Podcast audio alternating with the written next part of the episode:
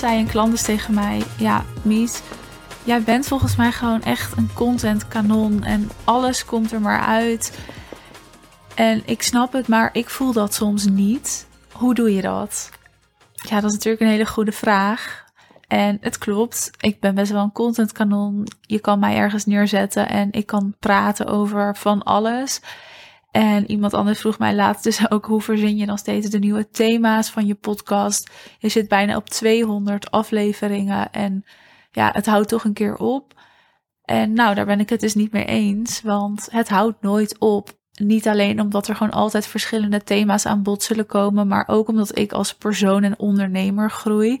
En daar dus ook heel veel over kan delen. Dus als ik even niet weet waar ik over kan delen, dan kan ik altijd over een proces wat zich afspeelt in mij of in mijn bedrijf delen. Dus dat is natuurlijk al een voordeel. En dat heb jij waarschijnlijk ook, want jij bent ook ondernemer als je dit luistert. Maar onderwerpen zijn er altijd. En we denken zo moeilijk over onderwerpen. En niet alleen als het gaat om podcasten, maar ook als het gaat om rails maken, om video's maken, om content schrijven, om een, een websitepagina te vullen of een blog te maken. Eigenlijk alle vormen van content. Daar heb je natuurlijk thema's voor nodig. En die moet je toch een keer bedenken. Maar wat je wil is dat je een soort content kanon bent maar dat dat ook nog winstgevend is en dat het iets oplevert. Want ik kan wel heel leuk allemaal onderwerpen verzinnen. En ik kan ook heel veel onderwerpen voor jou verzinnen als je me dat zou vragen. En dan gaan we samen een middag zitten en dan hebben we zo honderd onderwerpen en thema's. Maar de vraag is: is dat relevant en is dat winstgevend? En dat denk ik dus niet. Ik denk ook niet dat het slim is om bijvoorbeeld op één moment 100 onderwerpen op te schrijven en die gewoon te gaan maken en dus voor de aankomende weken of maanden of misschien jaar dat in te plannen.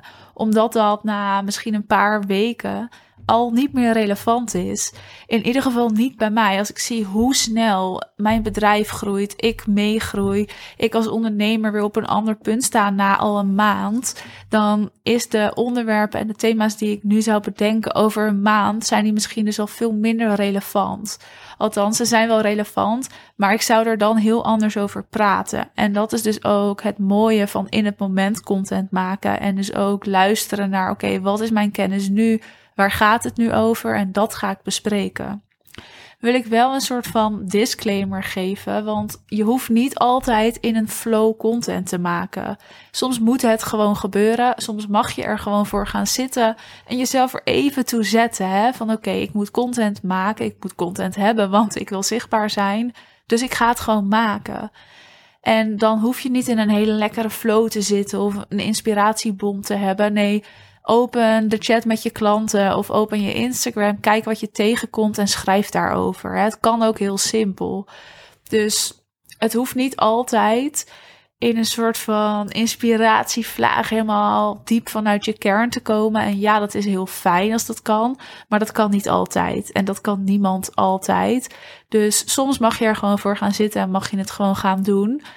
En dat is eigenlijk net als het bedenken van namen, bijvoorbeeld voor je programma.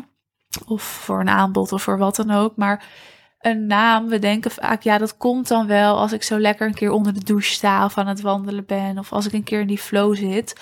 Maar dat is ook niet altijd zo. Nee, soms mag je er ook gewoon voor gaan zitten. Ga maar zitten, ga maar brainstormen en ga het maar doen. In plaats van hopen dat het een keertje komt als je lekker in die flow zit. Dus dat is ook met content zo. Hè. Soms hoef je niet in de flow te zitten en mag je er gewoon lekker voor gaan zitten. Maar ik wil wel even met je delen hoe het bij mij werkt. Want ik denk dat het voor jou ook heel prettig kan zijn. In ieder geval leerzaam. Hè? Hey Mies, hoe maak jij je content? Die vraag krijg ik namelijk regelmatig. Wat voor mij heel erg helpt, is om er echt een momentje van te maken. Ik maak natuurlijk zo goed als elke dag een podcast. Ik schrijf mijn content. Ik deel, ik chat met mijn klanten, waarin ik ook heel veel deel. En om dan bijvoorbeeld deze podcast op te nemen, wat ik nu dus ook heb gedaan, is dan maak ik er gewoon even een momentje van. Ik heb de hele dag uh, gewerkt, contact gehad met klanten, calls gehad. En er is dus heel veel besproken door zo'n dag heen. Nou, op dit moment is het vier uur, half vijf bijna, dat ik deze aflevering opneem. En dan heb ik dus de hele werkdag nu gehad. Na deze podcast hoef ik eigenlijk niks meer te doen. Als ik dat zou willen. En wat ik dus heel simpel doe, is even lekker weer een theetje maken. Ik ben hiervoor, dus voordat ik de podcast opneem, even weggegaan bij mijn laptop. Om gewoon even, ja, niet hier in dit veld te zijn, maar even op de bank gezeten, even wat gedronken, even uh, iets te eten gemaakt. Gewoon even in beweging zijn. Dan maak ik even een theetje. Nou, het is inmiddels donker tegenwoordig om half vijf. Dus ik heb even een kaarsje aangezet. Dat doe ik sowieso, vind ik heel prettig. En dan ga ik lekker zitten, doe ik mijn microfoon aan. En dan is het gewoon even het moment om een aflevering op te nemen. Wat ik dan doe is heel simpel. Of ik bedenk, oké, wat is er deze dag aan bod gekomen? Ik open de chat met mijn klanten. Wat hebben we besproken? Ik kijk even in mijn notities en aantekeningen die ik heb gemaakt. Uh, ik kan ook gewoon een Instagram kanaal openen, kijken wat er op mijn pad komt. Maar meestal open ik dus de chat, kijk ik in mijn notities of zit er al een onderwerp, wat eigenlijk meestal zo is, in mijn gedachten en weet ik dat ik daarover wil praten. Maar je kan dus heel makkelijk op zoek gaan naar thema's door dat soort dingen te doen. En die thema's zitten dan overal in. En dat kan heel klein zijn. je hoeft niet altijd een groot stuk content te maken. Mijn podcast is de ene keer vijf of tien minuten en de andere keer duurt die twintig minuten of langer. En dat is dus afhankelijk van, oké, wat wil ik op dit moment delen over dit onderwerp? Je kan natuurlijk in zo'n klein stuk content nooit alles delen. Je kan nooit alles omvattend zijn. En daarom mag je daar ook oké mee zijn. En weet ik ook, ik maak nu deze aflevering over uh, een contentkanon. Hè? Hoe word jij een winstgevend contentkanon? Maar hier is nog zoveel meer over te vertellen. En dat kan ik ook allemaal nog wel een keer vertellen, maar dat gaat niet in deze aflevering passen en dat hoeft ook niet. Dus ik maak hier ooit nog een keer weer een aflevering over, misschien met een andere titel, met andere informatie erin, omdat ik dan gewoon weer wat anders wil delen. En op dit moment is dus dit de informatie die ik wil delen. Dus ja, hoe word jij een winstgevend contentkanon? En maak er dus eens zo'n momentje van. Dat is een fijne tip. Ga ervoor zitten, kijk in je chat met klanten. Wat heb je behandeld? Open desnoods je Instagram om aan thema's te komen. En behandel dan wat jou ook triggert. Want als jij uh, dat gaat behandelen, dus wat heeft jou getriggerd vandaag? Wat heb jij voorbij zien komen waarbij je dacht, oei, of juist, wauw, het kan allebei de kanten op. Ga dat eens bespreken, want mensen voelen dat in je stem, in hoe je praat, als je het schrijft, in hoe je typt. Dus die dingen mag je eruit pakken en daar mag je over gaan schrijven. En doordat je dan niet zomaar uit de lucht iets gaat grissen, wordt je content sneller winstgevender, omdat het relevanter is. En dat is dus waarom ik in het begin zei: je kan beter niet één keer honderd thema's opschrijven en dat dan maar gaan afwerken. Nee, bepaal per keer en per dag wat moet ik nu bespreken? Wat heb ik gezien? Zodat het relevant is.